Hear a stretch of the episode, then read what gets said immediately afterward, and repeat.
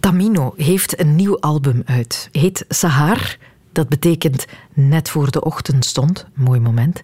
Een album dat hij zelf als reflectief omschrijft over de periode waarin het geschreven is. Dat is dan zo'n beetje die verwarrende coronatijd geweest. Een heel mooi album, de moeite om te beluisteren. Ik was een interview met hem aan het lezen op NME, toch wel een belangrijke muzieksite. Hij was daar een paar dagen met dat album het hoofdartikel, dus dat zegt ook wel wat over de appreciatie voor het album vanuit het buitenland. Maar wat mij vooral opviel, was de titel van dat artikel.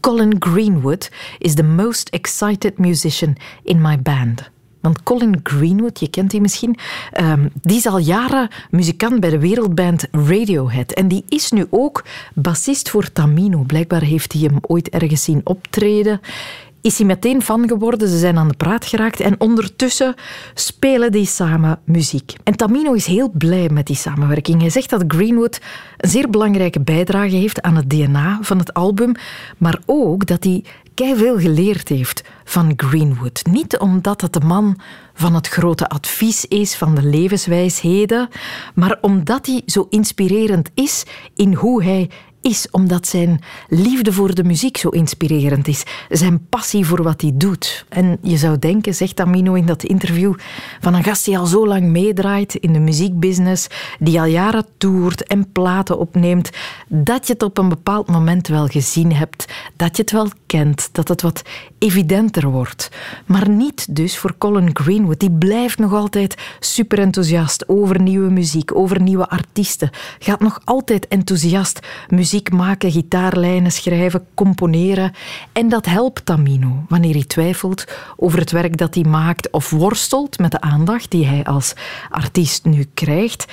Dan ziet hij de Greenwood en dan denkt hij, tju, ik zou het eigenlijk ook zo wat meer moeten kunnen appreciëren, wat meer genieten van het moment, van het leven dat wij als artiesten kunnen leiden. Dus ja, ik was dat aan het lezen en dan wilde ik die Colin Greenwood wel eens horen praten. En toen heb ik een interview met hem gevonden op YouTube ergens. Je moet eens luisteren naar die gast. I love Joy Division. I love soul music. I'm a white soul boy. Sam Cooke, that's heaven to me because I love Sam Cooke and the close singing vocals. I love that. And it's a beautiful song. Fleetwood Mac. Fleetwood Mac. You have the love of Fleetwood Mac. Oh, it's one of my obsessions is, is that. Uh, Peter Green, incredible. Albatross, of course, it's an amazing record. Obsessed with that record. What a masterpiece it is. I was obsessed with Al Green live in Tokyo. It's amazing soul song. All of that stuff, amazing. But the jazz thing, Alice Coltrane, Well, what is beautiful, expansive music. You know, I just, I just love it. The one that really that I love, that I really, really am proud of, is we played this place called the Jericho Tavern in Oxford when we were 16. And it was like that was the time when it was the most exciting. That was amazing. And that's what was brilliant about it. So it was Ah. great. It was really cool. It was so Yeah. But what I love about what, what we do is, is the quality of our each person's response to what the other person is making or doing. That's what's cool about it. You know, and the thing that I love as well is that if someone comes up with something and then that inspires Tom, which is very cool. I really love that. It's one of your best. It's beautiful. It's yeah. one of your best I know, records. We're all really proud of it. What's the best thing about being in Radiohead at the moment? It's uh, just the playing and and just enjoy playing on stage and and the opportunity to play to people who are really into it. That's what I love. Really like it. I love that thing. I love it. Yeah. what's your What's the secret of your success? What's the secret? it's a charmed life. It's an enormous privilege, and it's a wonderful way to engage with people and to travel and to communicate. It's a fantastic, very powerful combination of the personal and the emotional and the collective that the music serves that I love. So that's cool. That's what's great about it. I just, I just, I just love it. Colin Greenwood loves it all. Je voelt het helemaal, hè? Wat Tamino omschrijft in dat interview. Die gast die leeft voor de muziek. En dat, dat soort oprecht enthousiasme is mega aanstekelijk. Ik word er zelf gelukkig van. En toen dacht ik, dat is zo'n over het hoofd geziene kwaliteit. In mensen. We bestoeven mensen omdat ze uh, getalenteerd zijn of doorzetters of vastberaden. Maar enthousiasme, dat loven we veel minder. Integendeel, we kijken al wel eens neer op mensen die iets te vrolijk aan de dag beginnen, die iets te gezwind een ruimte binnenkomen. Terwijl het toch een fantastische eigenschap is. Dus waarom moedigen we dat niet meer aan? Daar wil ik het eens over hebben, over de waarde van enthousiasme. Welkom in de wereld van Sophie.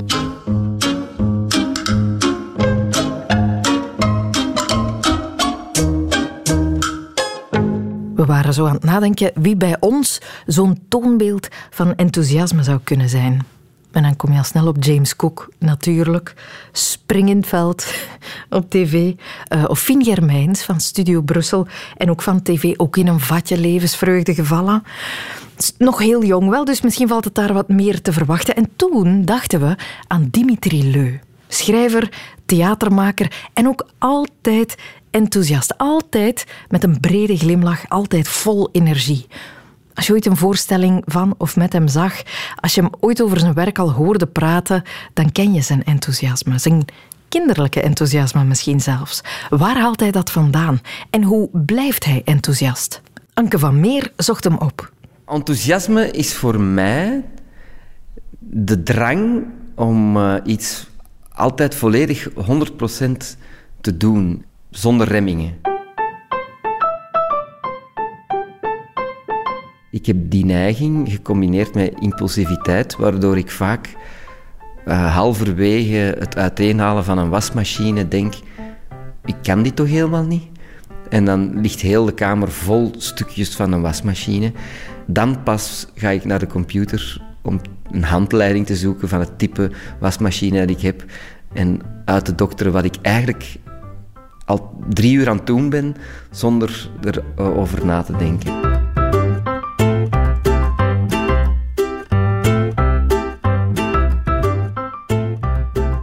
zal niet snel negatief zijn over een voorstelling die ik gezien heb. Ik kan ook enthousiast zijn over, over alles, over gebouwen. Ja, ik hou heel erg van architectuur. Ik kan echt foto's nemen, pak 100 foto's over, van een gebouw. Ja, maar kijk hier, dat detail hier. Allee, dat is toch prachtig. Ja, ik praat met alles en iedereen. Dat is wel leuk hoor. Ik heb zelden een slechte avond. Ja, het is eigenlijk een soort positivisme dat ik ook in mij heb. Weet eigenlijk niet van wat het woord enthousiast komt. Daarvoor moet ik naar het programma luisteren, zeker. Iets vol beleven. In de materie. In het moment. Ik herken dat bij heel veel collega's. Dat is acteren. Hè? Vol in het nu, vol in het moment staan. En ik denk dat je dus ook heel veel enthousiaste acteurs vindt. Die, die zijn gewoon vol van zichzelf ook een beetje. Dat is natuurlijk omdat ze aan het creëren zijn en daar niet over kunnen zwijgen. Maar dat is, ja, dat, dat is een enthousiasme dat wel een beetje bij ons beroep past, denk ik. Het is aangeboren. Hè. Enthousiast deed ik alles. Dus al mijn hobby's waren leuk. Ik, zeiden mijn ouders, wil jij dat kamp meedoen in de grote vakantie? Ik deed acht kampen op een jaar of meer. Ik, ik vond alles leuk.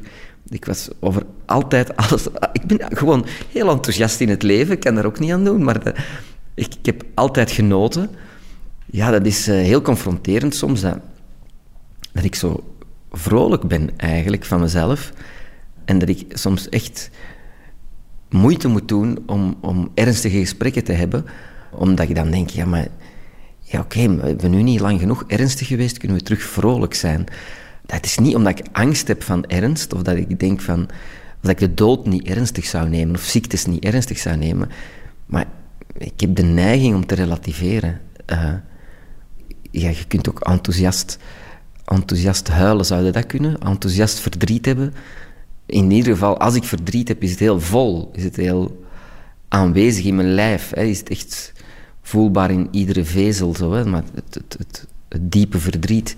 Maar dat is natuurlijk omdat ik dat niet zo vaak heb, dat als het er dan is, dat het heel enthousiast is. Doordat ik heel enthousiast ben over alles en heel positief in het leven sta, uh, wordt dat vaak verward met naïef zijn. En dus bijvoorbeeld uh, stoppen van oorlog of, of uh, we moeten elkaar allemaal graag zien. En ja, ik heb wel zoiets heel goedgelovig in mij. Goedgelovig in de mensheid. Ik geloof effectief dat iedere mens iets goed heeft. Ik zie het ook. We hebben hier in de buurt iemand die aan de, aan de redelijk rechtse kant is en dan de andere mensen moeten daar niks van hebben. Ja, ik ga daarmee praten en ik, vind die, vind, ik, ik merk dat dat een heel toffe man is eigenlijk. Die inderdaad bang is van alles wat vreemd is. Maar dan nog zie ik het mooie in, in die, die mens en ga ermee in gesprek. Uh, is dat naïef? Ja, natuurlijk, want ik ga die mens niet veranderen. Die gaat xenofoob blijven. Ja, nee, ik, ben liever naïef dan, uh, dan somber en triest. Ik kan er ook niet aan doen, het is ook echt geen keuze hoor. Mijn vrouw heeft gezegd dat uh, enthousiasme erfelijk is. Dat duidelijk is dat onze kinderen een uh, enthousiasme hebben geërfd. Die drang om te knallen eigenlijk, denk ik. Hè. Het is een drang om te, lachen en te spelen en te dansen. En die doen effectief het springen en zingen. Bij mij is dat niet meer springen en zingen, maar erover praten en blijven praten. Ik betrap me soms dat ik, als ik met vrienden die ik al een tijdje niet gezien heb, dat ik denk, oh Dimitri, rustig. Je bent al een half uur bezig, gewoon over één voorstelling die je hebt gemaakt. Rustig zwijgen en geef nu ruimte aan de ander. Moet ik mezelf temperen. Ja, geef, krijg ik een half uur om over een voorstelling te praten, dan ben ik vertrokken. Hè.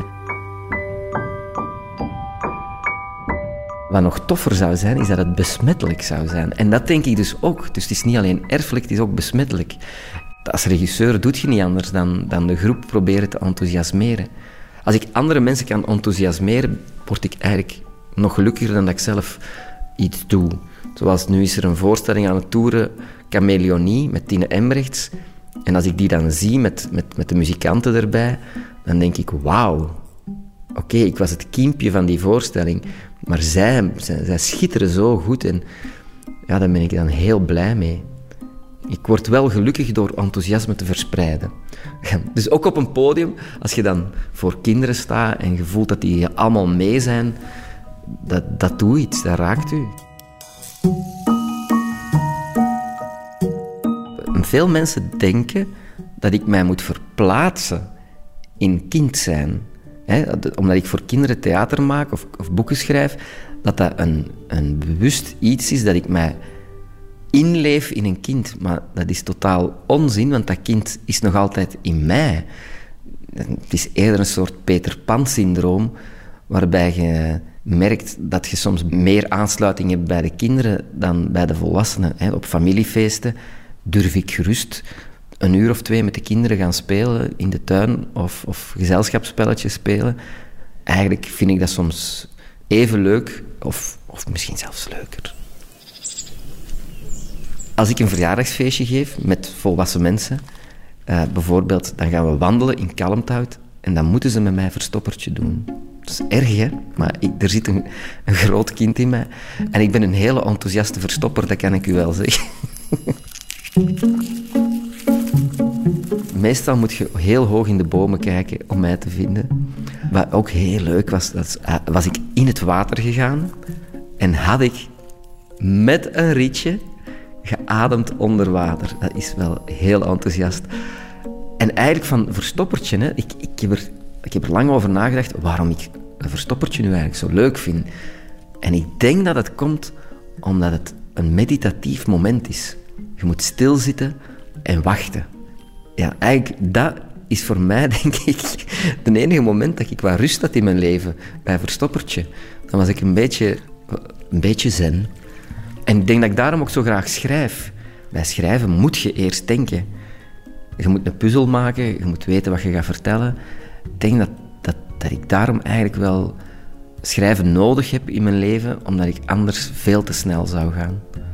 Zoals bij Verstoppertje, ik heb dat nodig, die rustpunten. Ja?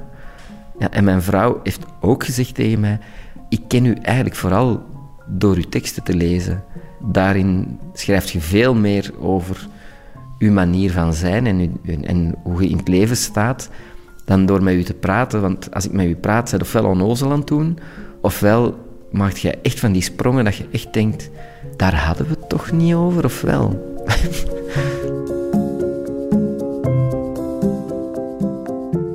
het nadeel van enthousiasme is dat je je vaak in situaties bevindt waar dat je, als je erover nadenkt, ja, dat je er eigenlijk niet had in moeten terechtkomen in die situaties. Meestal is dat professioneel, dat ik heel enthousiast ben over een idee van iemand. En dan zegt je ja, ik wil meedoen, tuurlijk. Maar dan begint je te realiseren van, dat is wel drie maanden. Ik, ben, ik, heb dus al heel veel mensen ontgoocheld omdat ik mij moet terugtrekken uit projecten, omdat ik het gewoon niet kan. Ik ben veel enthousiaster dan mijn agenda. En mijn vrouw wordt er ook gek van. Omdat ik dan ook vaak zeg, ja, sorry, maar ik kan, kan niet terug, want ik heb ja gezegd. Dus zijn zij vaak de dupe van mijn enthousiasme. Mijn familie, mijn gezin. In mijn jeugd, als mensen aan mij vroegen, wat wilt je worden? Dan zei ik altijd een clown. Maar eigenlijk, een kloon had nog beter geweest. Want dan waren er twee Dimitris en dan had ik nog veel enthousiaster en nog veel meer kunnen doen. Ja. Dimitri Leu over zijn tomeloze enthousiasme voor het leven. Hij vroeg zich af waar de term vandaan komt. En dat heb ik opgezocht. Komt van entheos. Dat is Grieks of entheos. Dat is Grieks voor van God vervuld. En dat was dus een term die men uh, vroeger plakte op ultra-vrome mensen die helemaal toegewijd waren aan hun God. En uh, heel lang heeft het die betekenis gehad. Zo rond 1700 ergens was het zelfs een soort verwijt voor uh, religieuze protestantse fanatici. Echt overdreven vrome mensen. Het was een pejoratieve term. Maar met de jaren heen is die betekenis dus verschoven. Enthousiasme vandaag, ja, hoe zou je dat eigenlijk omschrijven? Wel, enthousiasme zit in de hoek van, van positieve emoties. En in feite gaat het over een gevoel van opwinding, over iets wat interessant of zinvol is, waar je denkt iets mee te kunnen gaan doen. Uh, je denkt er een positief iets mee te kunnen realiseren. En je bent ook bereid om daar heel veel energie in te steken. Je kan heel enthousiast worden over van alles en nog wat. Maar dat wil zeggen dat ik er positief tegenover sta. David Duchesne, arbeids- en organisatiepsycholoog, heeft een adviesbureau, Otolith, dat organisaties en bedrijven begeleidt rond leiderschap en verandering. Bevlogenheid of, of engagement, dus gelijkaardig, niet helemaal hetzelfde. Maar dat is wel eh, het gevoel dat je hebt, hè? Die, die opwinding. Een zekere overgave hebben in wat je doet, vervuld zijn van het nut en de pret van datgene wat je onderneemt. Ja.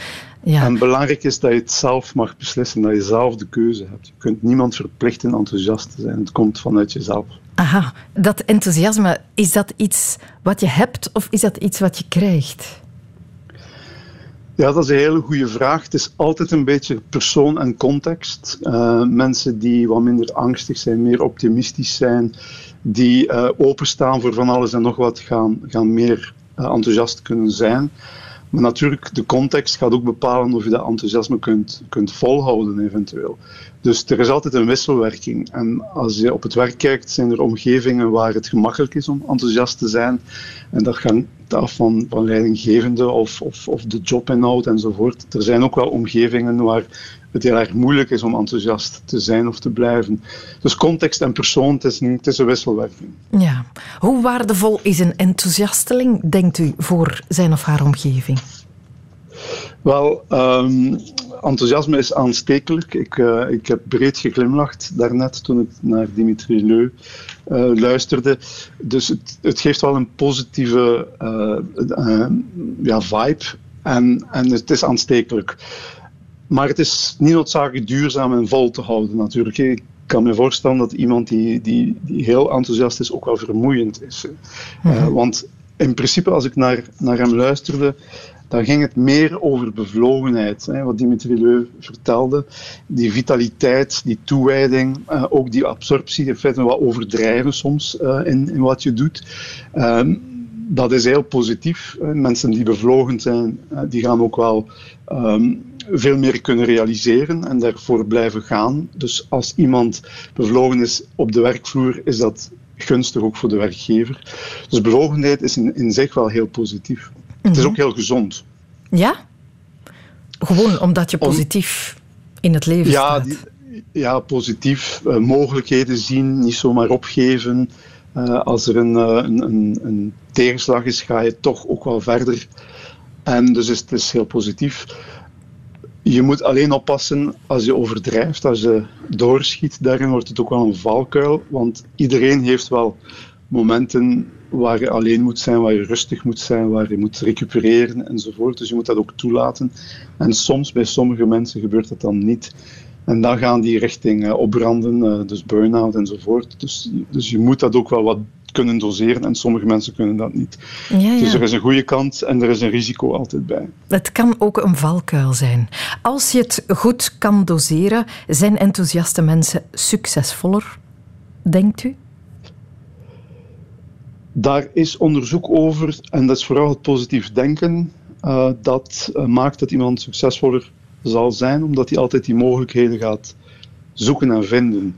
Die gaat niet opgeven. Dus, dus, dus dat, dat draagt bij. Dus mensen die ambitieus zijn, die willen verder gaan, die daar ook positief in denken, die niet angstig zijn, die gaan ook wel ten eerste uh, niet zo rap opgeven en ten tweede gaan ze ook opgemerkt worden door hun omgeving. Want ja, die mensen geraken verder, die geven niet op. Dus dat is, er zijn heel veel voordelen ten opzichte van iemand die negatief, pessimistisch is, die uh, regelmatig wel een dip heeft, uh, ja, dat gaat ook gezien worden. Ondanks die kwaliteiten van die mens, gaat dat ook wel negatief uitstralen op, uh, op zijn bijvoorbeeld promotiekansen. Mm.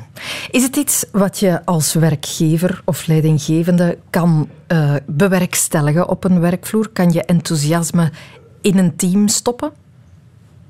Ik denk dat je als er iemand enthousiast is, moet je er vooral afblijven. Omdat het veel gemakkelijker is om iemand te demotiveren of het enthousiasme weg te nemen door bijvoorbeeld kritische vragen te stellen, door beperkingen op te leggen enzovoort. En dan gaat het enthousiasme wel wegsmelten. Je moet die ruimte geven. Kun je dan iemand enthousiasmeren, zoals daarnet, uh, ik zei daarnet, van het moet een vrije keuze zijn, mm-hmm. maar je kunt wel mensen warm maken voor een idee. Maar het zijn de mensen zelf die gaan beslissen tussen aanhalingstekens of ze gaan enthousiast zijn. En dus ze gaan enthousiast zijn als dat idee voor hen uh, betekenisvol is, interessant is, uh, plezierig is. Als ze ook zien dat als ze ermee werken, dat uh, er een kans op succes is. Dus het is niet zomaar enthousiast worden. En dat ze dus ook wel ehm, daar het, het positieve gevolg van gaan zien. Dus, dus, het is niet, dus je, moet dat, je kunt dat inspireren, je kunt dat een beetje manipuleren, maar het is nooit zo dat je het kunt gaan, gaan opleggen. Mm-hmm. Uh, er, was, er, was zo'n, een, er is zo'n een, een airliner in Amerika, Southwest Airlines, en die laten mensen heel vrij in hoe ze hun werk doen. En daar heb je bijvoorbeeld iemand die de, de veiligheidsinstructies geeft, al rappende. Dan heb je hostessen die gaan dansen. Ze mogen doen wat ze willen. Ja. En die mensen zijn heel enthousiast. En, en, en Southwest Airlines is in feite een low-cost airliner. Maar, maar de energie daar is heel hoog. Ja. Op een bepaald moment heeft United Airlines een brief geschreven naar de eigen werknemers. Vanaf nu moet je even enthousiast en veel, evenveel plezier maken als uh, de mensen bij Southwest Airlines. Dat is belachelijk. Dat werkt natuurlijk niet. Hè. Je kunt niemand zeggen dat, dat hij enthousiast moet zijn. Ja, Als ja. de rest niet mee is, dan gaat het niet werken. Ja, ik heb zo al eens horen vertellen over werknemers. Die krijgen dan vormingen op het werk van mensen die zichzelf de chief happiness noemen. En dan in dat soort vormingen advies krijgen om 's morgens op de bus te stappen naar het werk en keiluid... Goedemorgen iedereen! te roepen op de bus. Het enige wat je dan hoort achteraf is vooral ergernis over dat soort enthousiasme. Ik noem dat fake enthousiasme. Dat is heel erg gevaarlijk. Dat is artificieel, niet geloofwaardig. Mensen gaan dat niet vertrouwen, mensen gaan dat doorzien, doorprikken. Uh, en dat is zo proberen met je eigen energie de ander ook aan te steken en, en wat werkt voor jezelf misschien ja, ja, op te leggen aan anderen, dat werkt helemaal niet. Uh, dat is zelfs ja, gevaarlijk als je dat als leidinggevende of als collega of, of zelfs als vriend gaat doen. Mensen gaan zeggen, well, dat, klopt, dat klopt niet. Mm. Dus dat, dat doe je beter niet. Fake enthousiasme is, is heel erg moeilijk uh, uh, op te houden. En je merkt het ook. Als uw ober, kelner in, in, in het café uh, gemaakt enthousiast is, dan ga je zeggen, bo, wat, wat is dat hier? Uh, dat, dat klopt niet. Um, mm-hmm. Dus niet overdrijven, niet artificieel. Dus dat, dat, dat doe je beter niet. Er zijn ook van die opleidingen waar je ah, moet gaan dansen om happy te worden. Dan denk ik van, blijf er maar vanaf.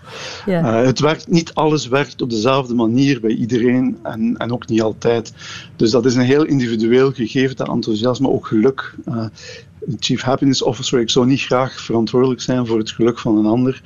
Uh, maar, maar, maar dat is wat vandaag soms wel een keer gezegd wordt en, en gebeurt. Maar ik ben daar heel kritisch over. Ja, ja. Je moet ook een beetje voeling houden met je publiek. Hè. Als iedereen overwerkt is, moe, zich zorgen maakt over stijgende energiekosten, ja, dan gaat enthousiasme sneller storen gewoon. Hè?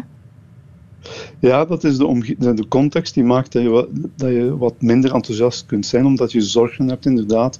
En dan moet je niet happy uh, zijn en happy doen. Uh, dan ga je gewoon ja, het averechtseffect inderdaad hebben. Mm Oprechtheid. Dat is het verschil tussen aanstekelijk en afstotelijk enthousiasme. Het werkt alleen als het echt is. Daarom dat het gewerkt heeft bij Murat en Angelo. Toen Angelo Roodhans op de middelbare school zat, kreeg hij les van een zeer gepassioneerde leerkracht, Murat Miri. Leraar geschiedenis aan het Antwerpse PIVA. Als je ooit zelf het genoegen hebt gehad om een gepassioneerde leerkracht voor je te krijgen, dan weet je hoe groot de impact van één enthousiasteling kan zijn.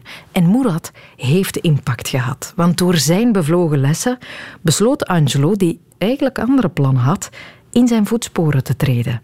En sinds twee jaar is Angelo zelf leerkracht geschiedenis. Brecht de Volderen zocht hen op.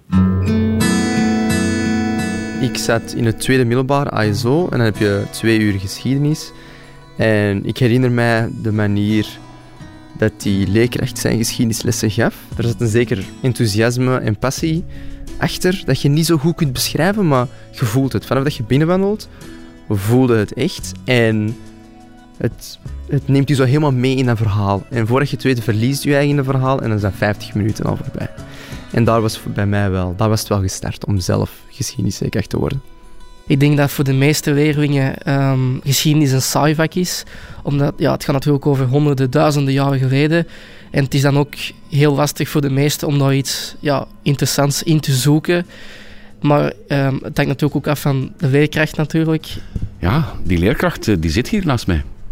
Ik vond het heel interessant dat hem inderdaad zei van, uh, dat de gemiddelde leerling niet super enthousiast van zichzelf gaat zijn. Omdat hij inderdaad materie is dat allemaal voorbij is. Die mensen zijn er niet meer. Dat kan allemaal heel abstract zijn.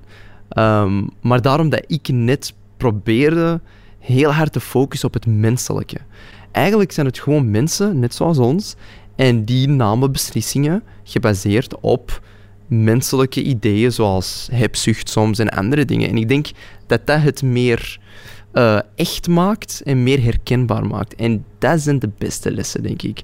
Als ik echt kan laten zien van, dit is misschien 1815, maar dat zijn dezelfde mensen als dat wij nu in 2022 hebben. En die nemen beslissingen die wij nu ook zouden kunnen nemen. En ik denk dat dat zijn zo de beste lessen, als je terug naar het heden kunt gaan. Het examen geschiedenis was voor mij ook altijd eh, een uitdaging. Want ik wilde mezelf ook altijd tot het uiterste drijven om ja, de beste punten te halen. Eh, of om toch om goede punten te halen. En als het dan niet lukte of te weinig, dan merkte ik wel aan mezelf dat ik, ja, dat ik meer wou. Dat ik echt nog meer moest studeren en toch meer moest redeneren en begrijpen. Um, om toch nog betere antwoorden te kunnen geven. Een leerkracht heeft natuurlijk geen favorietjes, hè? Uh, tuurlijk niet. Uh, Ehm, ja, ik denk, ik denk dat een leerkracht die zegt dat hij geen favorietjes heeft, is een, is een leugenaar. Um, je hebt altijd leerlingen die dezelfde, waar je zo'n beetje dezelfde passie in ziet dat jij ooit hebt gehad als persoon. En dan is het uh, eigenlijk heel moeilijk om zo niet persoonlijk les te beginnen geven aan die jonge man of jonge vrouw. Want voordat je het weet, ben je al je vragen aan het richten naar die ene persoon. Maar er zijn nog wel zeven andere leerlingen die je wilt die ook niet dat die de, de boot missen en je wilt dat ze wel mee zijn. Maar er zijn wel favorieten. En die favorieten, dat zijn dan enthousiastelingen? Absoluut. Ze moeten niet per se heel getalenteerd zijn in geschiedenis. Um, zolang, zolang dat ze het maar willen en er is een zekere interesse. En ik vind ook dat als leerkracht, je ziet dat in de ogen. En ik denk dat Angelo, als hem lessen begint te geven, ik denk dat hij nu al lessen geeft, dat je dat ziet. Je ziet echt in de ogen van een leerling wanneer hij mee is met je verhaal. En er is niks zoals dat gevoel. Dat, je weet dat echt. Ja. Het is natuurlijk ook op een heel laat stadium, pas in het zesde middelbaar, dat je denk ik echt voor jezelf moet uitmaken wat je in de toekomst wilt doen. En um, ja, voor mij is dat dan in dat zesde jaar echt duidelijk geworden van ik wil doen wat meneer Miri doet, dus lesgeven en die, die passie voor geschiedenis echt doorgeven aan de leerlingen uh, die er nog komen. Dus ik uh, zit momenteel op de KDG op het Zuid um, en daar studeer ik uh, dus voor leerkrachtgeschiedenis en Engels. En ondertussen heb ik ook al een paar lessen gegeven, als stage dan wel uiteraard, aan leerlingen. En ja, het is zoals meneer Miri zegt, ik, ik merk ook wel dat, ondanks dat er soms een paar klassen bij zitten, van, hm, dat, dat die passie er wel steeds gaat blijven. Om, dat, om, ja, om die kennis door te geven, zeg maar. Dus u geeft uh, niet alleen geschiedenis, maar ook passie. Ja, ik denk ook dat dat voor een leerkracht belangrijk is, want je hebt leerkrachten die misschien les kunnen geven, maar als je geen passie hebt voor je vak, dan gaan je leerlingen nooit 100% mee zijn. En dan gaan die er ook waarschijnlijk het meeste van de tijd niet heel veel van begrijpen mijn plan dat nu nog op tafel ligt, dat is al een beetje mijn toekomstgericht, is dat ik nog twee jaar ga bijdoen. Want ik zou graag lesgeven aan het vierde, vijfde en zesde middelbaar, omdat daar de, ja, de, de tijdsperiode komt die mij enorm interesseert. En dat is natuurlijk de Eerste en de Tweede Wereldoorlog. Twee jaar geleden, toen hij afstudeerde, zei ik heel duidelijk van ik vind dat jij gewoon geschiedenis moet gaan doen op de universiteit en dat gaat wel lukken, dacht ik. Ehm, kan je enthousiast worden van iets anders ook? Heb je nog hobby's? Of, uh... Ja, absoluut. Uh, veel sporten. Um, heel geïnteresseerd in uh, psychologie en meditatie en hypnose zelfs. Dus ik heb een brede wire aan interesses. Jij bent niet alleen geschiedenisfreak, maar eigenlijk enthousiast over de hele lijn. We, proberen, we proberen. ik denk dat een enthousiasme in het leven. Ik denk dat, dat het heel makkelijk is om gewoon je eigen te focussen op één ding, maar dan je eigen soms ook wat kwijt geraken. En dan een beetje te veel enkel daarmee bezig te zijn. Balans is gewoon heel, heel belangrijk. Ik ben een grote fan van balans in het leven. Wat mij opvalt aan die enthousiaste leraar is dat hij wel veel lacht. Ja, dat klopt. Maar ik denk, ja, ik heb dat zelf ook eh, heel hard, eh, vind ik. Ik ben iemand die ook graag lacht. En ook wel, denk ik, een beetje altijd wel de grappige probeert uit te hangen. Omdat ik ook vind dat niet altijd alles serieus moet zijn. Want het zijn nu ook al gewoon serieuze tijden. En dan is denk ik af en toe een grappige er zo eens tussen, dat dat wel zorgt voor wat ontspanning. En inderdaad, dat alles een beetje in balans blijft. Want als iedereen constant serieus is, ja, dan denk ik dat maar een heel zielige wereld nog gaat worden dat heeft ook inderdaad te maken met dan die uitstraling. Je, hebt misschien leerkrachten die binnenkomen en die zeggen van... En die al direct beginnen met een opmerking te maken over iets. En dan zorgt al direct dat die, dat die sfeer eigenlijk ja, gekelderd wordt. En als je een leerkracht hebt die binnenkomt met een lach op zijn gezicht en direct eh, begint met de vraag hoe was het weekend, dan is het enthousiasme in de sfeer al direct helemaal anders. Waardoor ook, denk ik, het verloop van die les totaal anders gaat verlopen dan mocht je een chagrijnige Noorse leerkracht zijn in het begin van die les. Het is allemaal over mindset in het leven en uh, je maakt echt van het leven wat het is. En ik geloof dat als je er positief, als je probeert over alles positief te zijn, dat dat meestal wel lukt en dat die energie wel op een of andere manier terugkomt. Um, en je moet gewoon heel dankbaar zijn. Je moet heel, heel dankbaar zijn. Ik ben ook, uh, ik ben ook islamitisch opgevoed. Uh, en dankbaarheid is iets heel belangrijk. We zijn heel dankbaar voor is eigenlijk iets dat we elke dag moeten zeggen. Dus uh, ik probeer dat te oefenen. Dankbaarheid. Ben je ergens coach of doe jij nog iets anders, mensen enthousiasmeren? nee, maar ik heb al wel... dat is misschien wel een toekomstige piste waar ik, dat ik wil exploreren, denk ik. Um, leerkracht zijn is geweldig, um, maar soms denk ik ook wel dat, er, dat ik nog meer invloed kan hebben op deze wereld dan voor twaalf leerlingen die voor mij zitten. Dus uh, we zien wel. Het is voor um, jongeren van mijn leeftijd, dus het zesde middelbaar, vijfde middelbaar, altijd lastig om al vooruit te plannen en om in de toekomst te kijken van wat je wilt doen. Want ik denk nu toerisme en je begint automatisch te denken, oké, wat kan ik met een diploma toerisme doen? Ehm, en dan begint je automatisch ook te denken, dus de toeristische sector in. En dan merk je toch van dat een leerkracht tegen u een gesprek kan hebben over uw passie of interesses. En dat je dat toch kunt echt wel kunt merken van oké, ja, hij heeft wel gelijk. Misschien moet ik toch proberen om uw eigen ja, grenzen, zal ik maar even zeggen, te verleggen en toch die stap te wagen om verder te studeren in mijn geval dan. En dan toch echt te ontdekken van oké, ja, dit is wat ik wil doen. En zonder hem had ik hier misschien nooit gestaan. Dat wordt wel een beetje onderschat, hè, de invloed van een leerkracht op zijn leerlingen. Het is, het is echt een, een, een persoonlijke relatie dat je... Dat, dat echt wel een grote rol speelt in, in, in een jongen of een meisje haar, haar leven. Die, die moet naar school komen uh, en dan ziet hij een leerkracht. En dat is, soms hebben, ik geloof echt dat sommige leerlingen meer contact hebben met hun leerkrachten dan met sommige van hun ouders zelfs. En, en dat zegt denk ik wel heel veel. Um, dus ik, ik besef echt wel hoe dat elk woord dat ik zeg kan een effect hebben op een leerling. Dus ik probeer dan enkel positieve woorden te gebruiken, al gaat dat niet altijd natuurlijk. En, en inderdaad, het is zo, die uh, persoonlijke relatie, die er zelfs voor die aantal uren in de week, die is er voor meerdere weken, voor meerdere jaren. En dan is het inderdaad wel zoals, uh, zoals Moerad zegt, van het is dat, dat ene woord, dat ene zinnetje, of, die, of ja, gewoon dat ene gesprek, wel echt een, een impact kan hebben op het verloop van, ja, van, van het schooljaar, of van zelfs in, in, in mijn geval het verloop van mijn schoolcarrière zelfs dat dat, dat echt wel een enorme verandering kan hebben voor je toekomst. En ik denk als dat in dit geval bij mij een, een positieve verandering heeft, die passie, dat ik alleen maar hoop dat alle leerkrachten die nu nog afstuderen, dat dat allemaal zo mensen zullen worden. Allee, ik hoop het gewoon voor de leerlingen dat die zo'n leerkrachten gaan hebben. Een reportage van Brecht de Volderen. Enthousiasme, zo belangrijk in het onderwijs ook. Het is dus aanstekelijk het bevordert de sfeer, het bevordert de resultaten. En toch is niet iedereen even enthousiast over al dat enthousiasme. De Nederlandse filosoof Koen Simon die schreef zelfs een pleidooi tegen enthousiasme. Meneer Simon, nu ben ik heel benieuwd. Wat is uw probleem met enthousiasme?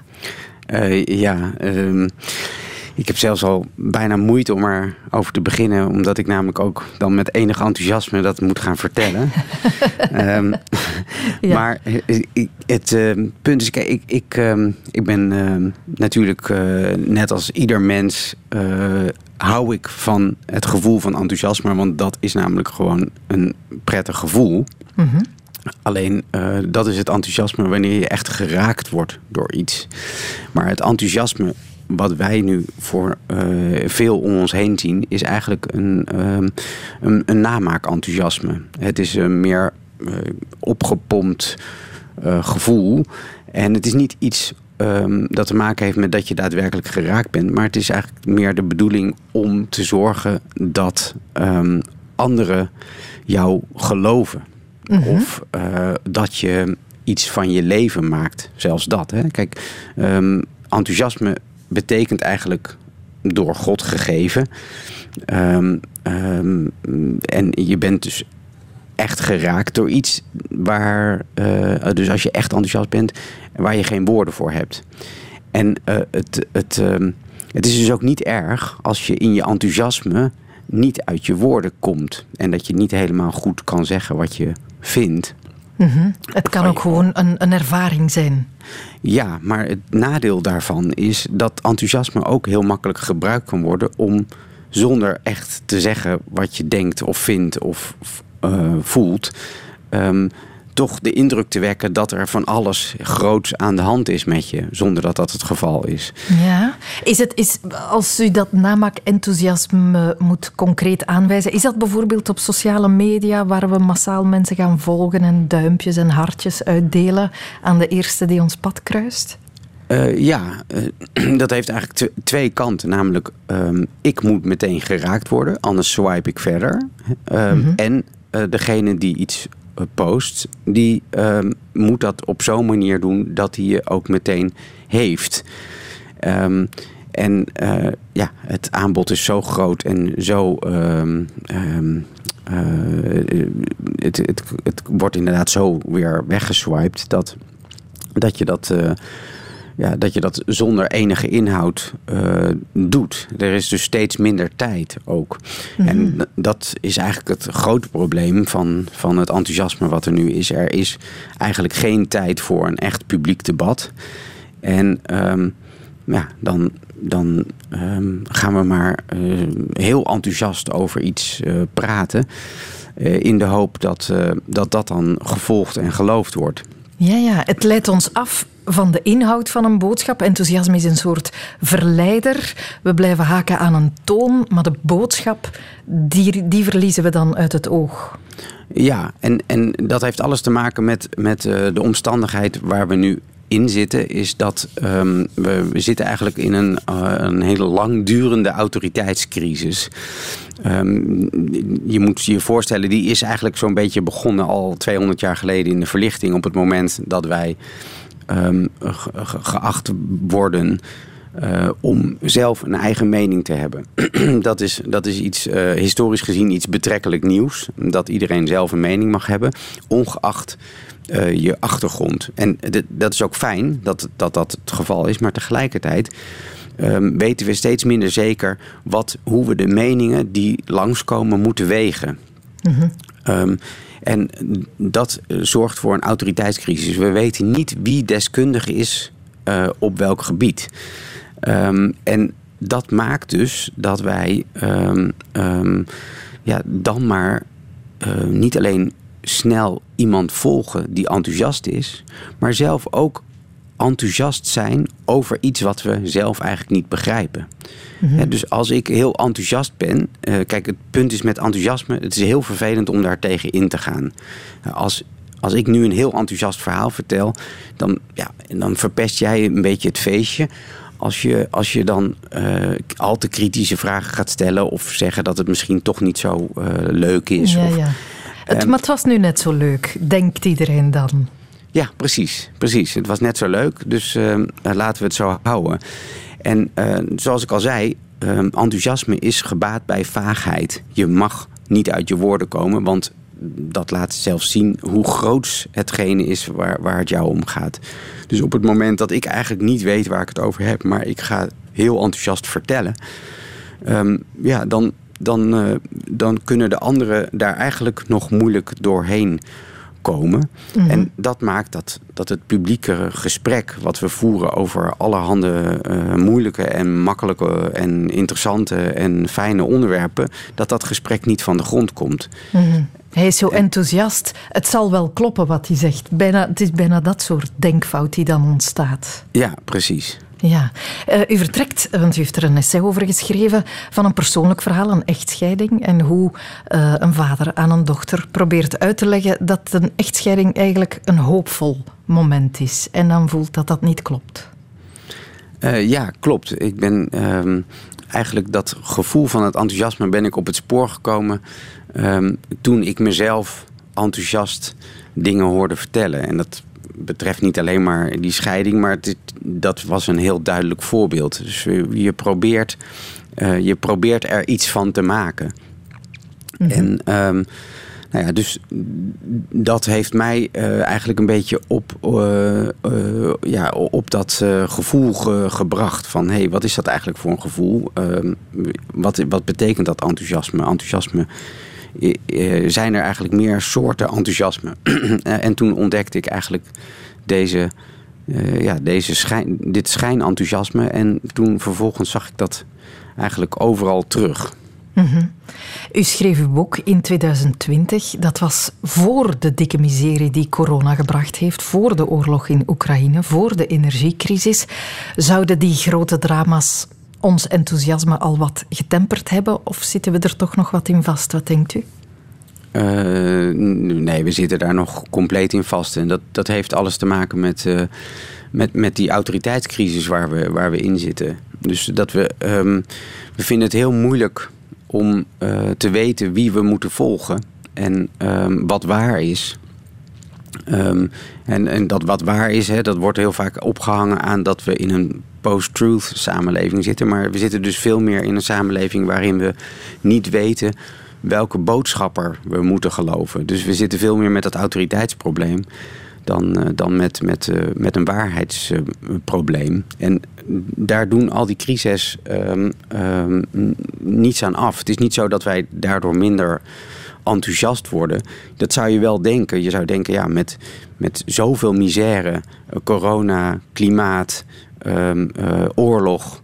Uh, en niet alleen maar Oekraïne, maar inderdaad een, toch een dreiging van, van, van wellicht een derde wereldoorlog.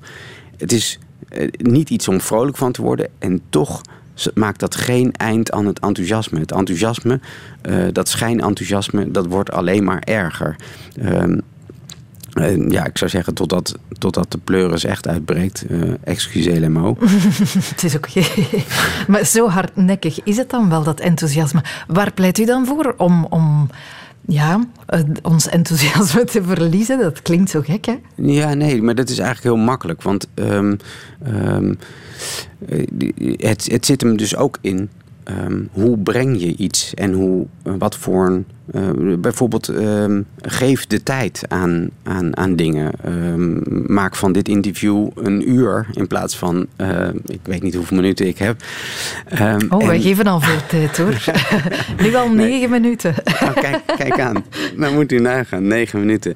Uh, nee, maar het, ik, dit is maar een voorbeeld. Het, het, het, het is, je kunt heel makkelijk um, op een andere manier hè, in de media dingen programmeren uh, en rekening houden met um, dat, uh, dat niet alles in bits en bytes uh, hoeft te gebeuren.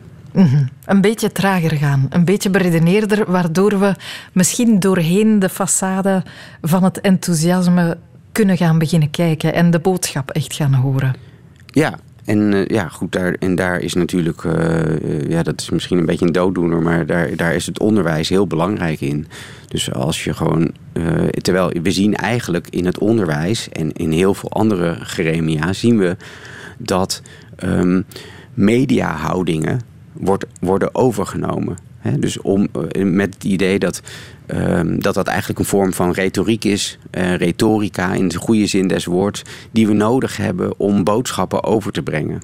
Dus we worden ont, het wordt ons steeds meer aangeleerd om ook uh, die, uh, um, ja, dat register van dat enthousiasme te bespelen elke keer weer. Mm -hmm. um, terwijl ja, je kunt daar op heel veel andere manieren mee omgaan. En uh, ja, dat, dat begint toch echt in het onderwijs. Filosoof Koen Simon enthousiasmeert om misschien toch een beetje minder snel in enthousiasme mee te gaan. Mochten ze elkaar kennen, hij zou een supporter vinden in Larry David, de Amerikaanse acteur, schrijver, producent, medebedenker van het zeer succesvolle Seinfeld en van het al even succesvolle Curb Your Enthusiasm. Hij zet zichzelf, het is een scripted reality comedyreeks en hij zet zichzelf daarin neer als een gordroog, onderkoeld type. Net omdat hij het niet heeft voor namaak-enthousiasme en omdat hij veel meer plezier vindt in het niet enthousiast zijn over dingen. Vandaar dus de titel Curb Your Enthusiasm. Je moet niet te enthousiast willen zijn. Zwat, die reeks, daar hangt een heel goed verhaal aan vast. Een verhaal dat Wart mij verteld heeft. En behalve dat hij er zelf heel enthousiast over was, heeft het verder eigenlijk heel weinig met enthousiasme te maken. Dat wil ik gewoon op voorhand al even meegeven. Maar dus, Wart Bogaert. Ik wil het over een moordzaak hebben. Okay. Een moordzaak, uh, het speelt zich af 12 augustus 2003 in Los Angeles. Op die dag vertrekt ene Juan Catalan in Los Angeles naar zijn werk. En zijn verbazing is heel groot als hij van zodra hij de voordeur van zijn huis openduwt of trekt, dat stond niet in de details uh, aangegeven, hij omringd wordt door een tot de tanden bewapend team van de oproerpolitie. Hij wordt op de grond gegooid, knie in de rug, wapen in de nek, taser in de rug, geroep en getier, boeien, meegevoerd in de combi, alles erop en eraan. Je weet hoe dat gaat in B-films, B-politiefilms. maar hier is het dus in het echt. En hij wordt gearresteerd, dat hoort hij dan later op het politiekantoor, op verdenking van de moord op Marta Puebla. Een meisje van 16 jaar dat dag op dag, drie maanden eerder, op straat in Los Angeles door het hoofd is geschoten. Juan valt compleet uit de lucht. Please, you guys can't do this to me, dude. I swear to God, man, on my two daughters that I love so much, man, I did not do this. You guys are gonna take away my life for this fucking bullshit? What bullshit is this? You killed somebody. Wait a minute. Those are very strong words right there. I did not kill nobody. I would never kill nobody. And I never do anything to hurt anybody. Convince us otherwise. Ja, het verhoor, het fragment uit het verhoor dat je hier hoort, dat komt uit een Netflix-documentaire, Lost Shot uh, heet die. Nog een tip als je klaar bent met de elf seizoenen Curb Your Enthusiasm. Moet je daar maar eens uh, naar kijken. Maar dit is dus het verhoor. Hè. Juan Catalan die valt compleet uit de lucht, die weet niet wat hem overkomt. En dan zeggen ze ja, try to convince us. Try Ja, ja. to convince us otherwise. Maar dat is ongelooflijk moeilijk. En waarom is dat ongelooflijk moeilijk? Ten eerste, er was een ooggetuige van de moord op Marta Puebla. En die heeft samen met de politieonderzoekers, met de rechercheurs, een robotfoto gemaakt. En die robotfoto van de dader, die lijkt twee druppels water op Juan Ah, ja. Catalan. Ten tweede, Juan Catalan, die zit in de politiedatabanken. Hij was een tijd daarvoor als chauffeur betrokken geweest bij een, een winkeloverval die zijn broer gepleegd had. Dus ze kenden hem bij de politie. En ten derde, er is een link tussen Juan Catalan en het slachtoffer. Want in de zaak van die winkeldiefstal heeft die Marta Puebla tegen zijn broer getuigd. Zij heeft dus zijn broer aan de galg gepraat. Met andere woorden, Juan had wel degelijk een motief. En ten vierde, en dat is misschien nog het grootste probleem, Sophie, waar was jij, Sophie, op 5 juli 2022 om 22 uur 31 s'avonds? Maar ja, Begin maar, hè. flauw idee. Ja. Ja, begin maar. Hè. En dat vond hij dus ook niet. En dat, dat, dat was een bezwarend element. Hij zei van, ja, ik, ik kan geen alibi bedenken, want ik weet het gewoon niet meer waar ik was. Drie maanden geleden, tot hij, tot hij in zijn kast begint te rommelen. Zijn ladekast. En daar vindt hij een oude enveloppe van de LA Dodgers. Een honkbalploeg waar hij fan van is, baseballploeg uit LA. Met afgescheurde tickets in die enveloppen voor een match op de datum van de moord op Marta, 12 mei 2003. Gosh, if we can just prove you're at the game, get the case thrown out. Easy. Uh, not so easy. Ja, nu moeten ze dus nog bewijzen dat hij daar effectief is geweest. Ah ja, kaart Hij is er ook geweest. bewijs. Kaart Ja. is geen bewijs. Ah, makkelijk, we gaan dat bewijzen, hoor je zijn advocaat hier zeggen. Oei, maar dat is toch niet zo gemakkelijk, want daar zitten 56.000 mensen in dat stadion, die je dus in principe alle 56.000 zou moeten gaan vragen. Heb jij drie maanden geleden, drie maanden geleden, tijdens de match van de LA Dodgers, deze man gezien? Dat lukt ook niet. Dat is even Onmogelijk. onmogelijk als je zelf probeert te herinneren wat je drie maanden geleden gedaan hebt. En dus gaan ze, stappen ze naar de mensen van LA Dodgers zelf, naar het secretariaat van die baseballploeg. Mogen wij eens jullie camerabeelden zien? Want er worden altijd de hele match door op grote schermen camerabeelden geprojecteerd van mensen in de tribune. En uren en uren en uren camerabeelden hebben ze eh, zitten bekijken. Ze hebben een paar keer gedacht, ah, zou dit hem kunnen zijn? Het zijn allemaal vage beelden. Maar wat een werk. Daar konden ze niets mee doen. Tot Juan zich plots herinnert dat hij op een bepaald moment tijdens die match ijs is gaan kopen voor zijn dochtertje. En dan is er iets vreemds gebeurd. been to hundreds of Dodger games and never have I seen them film anything there. And you know, this particular day, they were there. All he remembered were security personnel blocking the aisle and this man walking up and down the stairs for the different takes. Hij herinnert zich dat hij op de terugweg van het ijsstalletje naar de tribune even heeft moeten wachten. Dat hij tegengehouden werd door iemand. Omdat ze in het stadion aan het filmen waren. En hij herinnert zich dat hij een oudere, wat kalende man de trap heeft zien op- en aflopen voor de verschillende takes telkens opnieuw. En dan nemen ze contact op, of neemt zijn, eh, zijn advocaat contact op opnieuw met dat secretariaat van de LA Dodgers. Mogen wij eens kijken naar jullie agenda op 12 mei 2003, is hier toen een cameraploeg komen filmen. En ze vinden in de agenda een telefoonnummer. En ze bellen dat telefoonnummer. En daar wordt opgenomen door een secretaresse die zegt: Hallo bij HBO. Ze zitten bij HBO. Goedemiddag HBO. Waren jullie op 12 mei aan het filmen bij de LA Dodgers? Ja, wij waren aan het filmen bij de LA Dodgers voor een heel speciale aflevering van Curb Your Enthusiasm. Van Curb Your what? Vraagt de advocaat, Juan en zijn advocaat. Alsof ik erbij ben. Ja, hadden nog nooit van Curb Your Enthusiasm of van Larry David gehoord. Mogen wij die beelden eens bekijken, mensen van Curb Your Enthusiasm? Nee, meneer, want die aflevering is nog niet uitgezonden, dus wij kunnen dat niet laten zien. Meneer, ik ben advocaat. Dit is een moordonderzoek. Zwat, lang verhaal kort. Ze kijken samen naar die beelden en dan gebeurt het. I literally jumped out of my chair. Literally sprung out of his chair. And there is this gasp. And there he was. Pretty cool.